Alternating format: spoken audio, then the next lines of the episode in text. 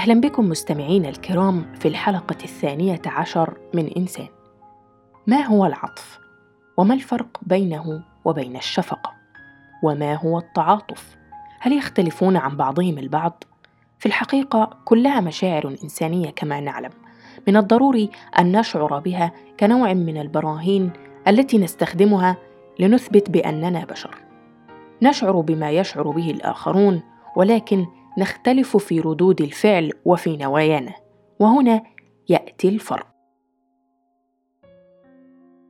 دعونا نبدأ بالتعاطف. ما هو التعاطف وما المقصود به؟ التعاطف هو استجابة عاطفية شعورية لحالة شخص ما. وكلمة التعاطف غالبا ما ترتبط بحدوث ظرف مؤلم وترتبط بالمشاعر الإنسانية بشكل كبير. فأنت شخص متعاطف حين تحاول أن تفهم ما يمر به شخص آخر وتحاول أن تشعر بما يشعر هو به في أحد الظروف الصعبة التي يمر بها. وقد تتخيل نفسك جيدا في نفس الوضع وفي نفس الظروف وتطور في عقلك نفس المشاعر التي يشعر بها هذا الشخص الذي تشعر بالتعاطف معه. ورغم أنك تشعر بنفس ما يشعر به تقريبا وتظهر ذلك علنا إلا أنك لا تقوم بفعل شيء تجاهه ولا تحاول التخفيف من المشاعر السيئة التي يمر بها هذا الشخص. ما هو العطف إذن وماذا يقصد به؟ العطف هو كلمة تستخدم للتعبير عن نفس الشعور بالتعاطف ولكن الاختلاف هو أنك حين تشعر بالعطف يكون لديك رغبة داخلية في فعل شيء ما. فأنت لست فقط تتعاطف معه وتشعر بما يشعر به بل تريد فعل شيء من أجله. فالعطف على الآخر ينتج عنه أفعال تؤدي لنتائج إيجابية للشخص الذي تشعر بالعطف تجاهه.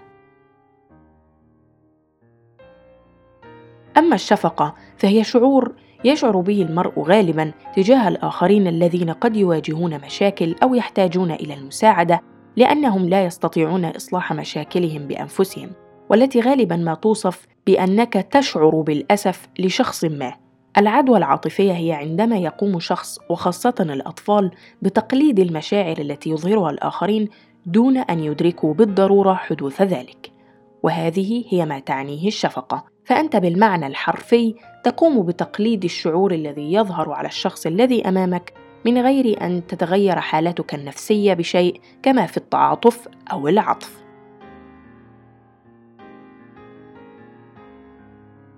حديثنا اليوم خاصة عن العطف. هناك ثلاث أنواع للعطف وهو المعرفي والعاطفي والرحيم. العطف المعرفي يتعلق بالفكر بقدر ما هو العاطفة ويتم تعريفه عن طريق المعرفة أو الفهم على المستوى الفكري.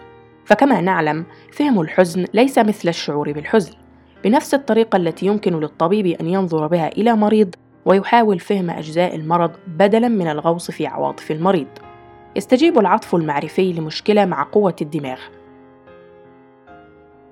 ثانياً العطف العاطفي قد يبدو هذا النوع من الاستجابة مفصولاً عن الدماغ والتفكير، ولكن كما يشير جولدمان بأن هذا النوع متجذر بعمق في الخلايا العصبية للإنسان، فعندما يأتي إليك شخص عزيز عليك يبكي، يكون رد فعل طبيعي هو الشعور بألم فظيع في قلبك نتيجة تعاطفك معه.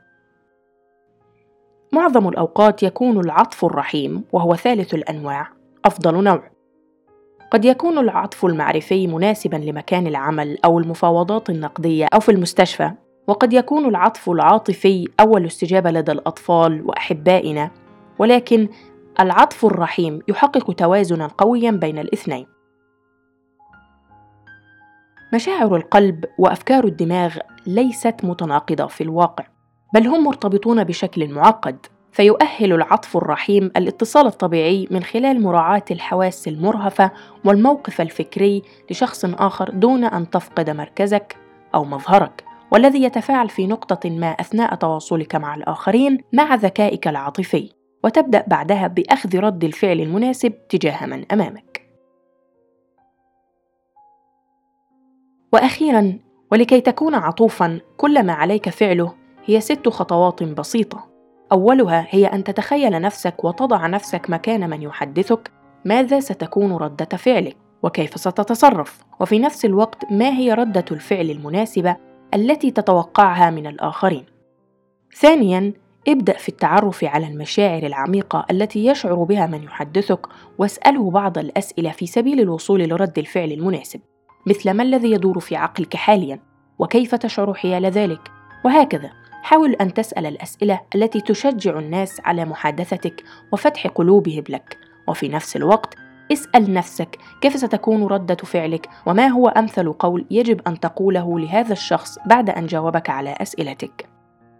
ثالثاً، افهم تجربة هذا الشخص ولا تكرر كثيرا أنك تتفهم ومقدر لظروفه. فقد يفهم من ذلك أنك تتعاطف معه ولست عطوفا معه بمعنى آخر أنك تشفق عليه. رابعا أحيانا لا يقول الناس الصدق ولهذا تحرى الصدق وتأكد منه حينما تسمع أحدهم يحدثك عن تجربة مؤلمة. هذا لا يعني أن الناس يخدعونك عن قصد إنهم فقط يحمون مشاعرهم ويخفون انعدام أمنهم. إنه يشبه وضع قناع يخفي تعابير وجهنا فهذا القناع على سبيل المثال له وجه مبتسم ولكن وراء القناع نشعر بالقلق والحزن. بالنظر إلى ذلك من الضروري ألا تأخذ الأشياء في ظاهرها. فكر بموضوعية فيما يقوله هذا الشخص ويفعله. من المحتمل جدا أن يكون ما تسمعه أو تراقبه جزءا من الحقيقة. خامسا اعرض مساعدتك وقدم رأيك في هذه المرحلة.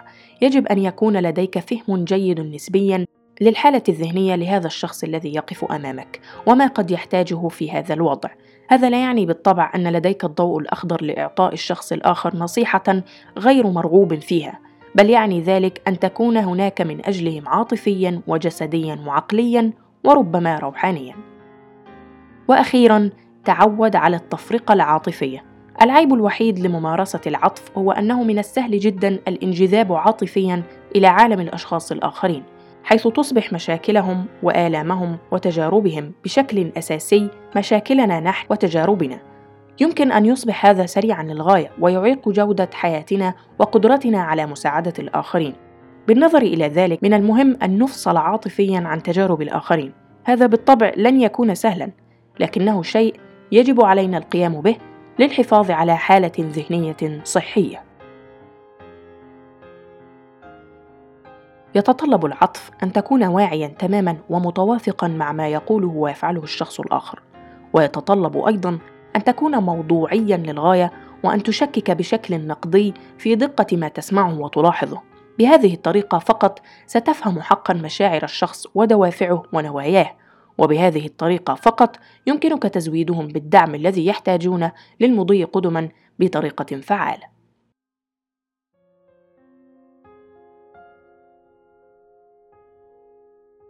كان هذا مستمعينا ختام لقائنا. نلقاكم الأسبوع المقبل بمشيئة الله تعالى ولا تنسوا الدعم على حسابات التواصل الاجتماعي ويمكنكم إرسال أي ملاحظات أو اقتراحات من خلالها. كان معكم مريم أسامة. شكرا لكم.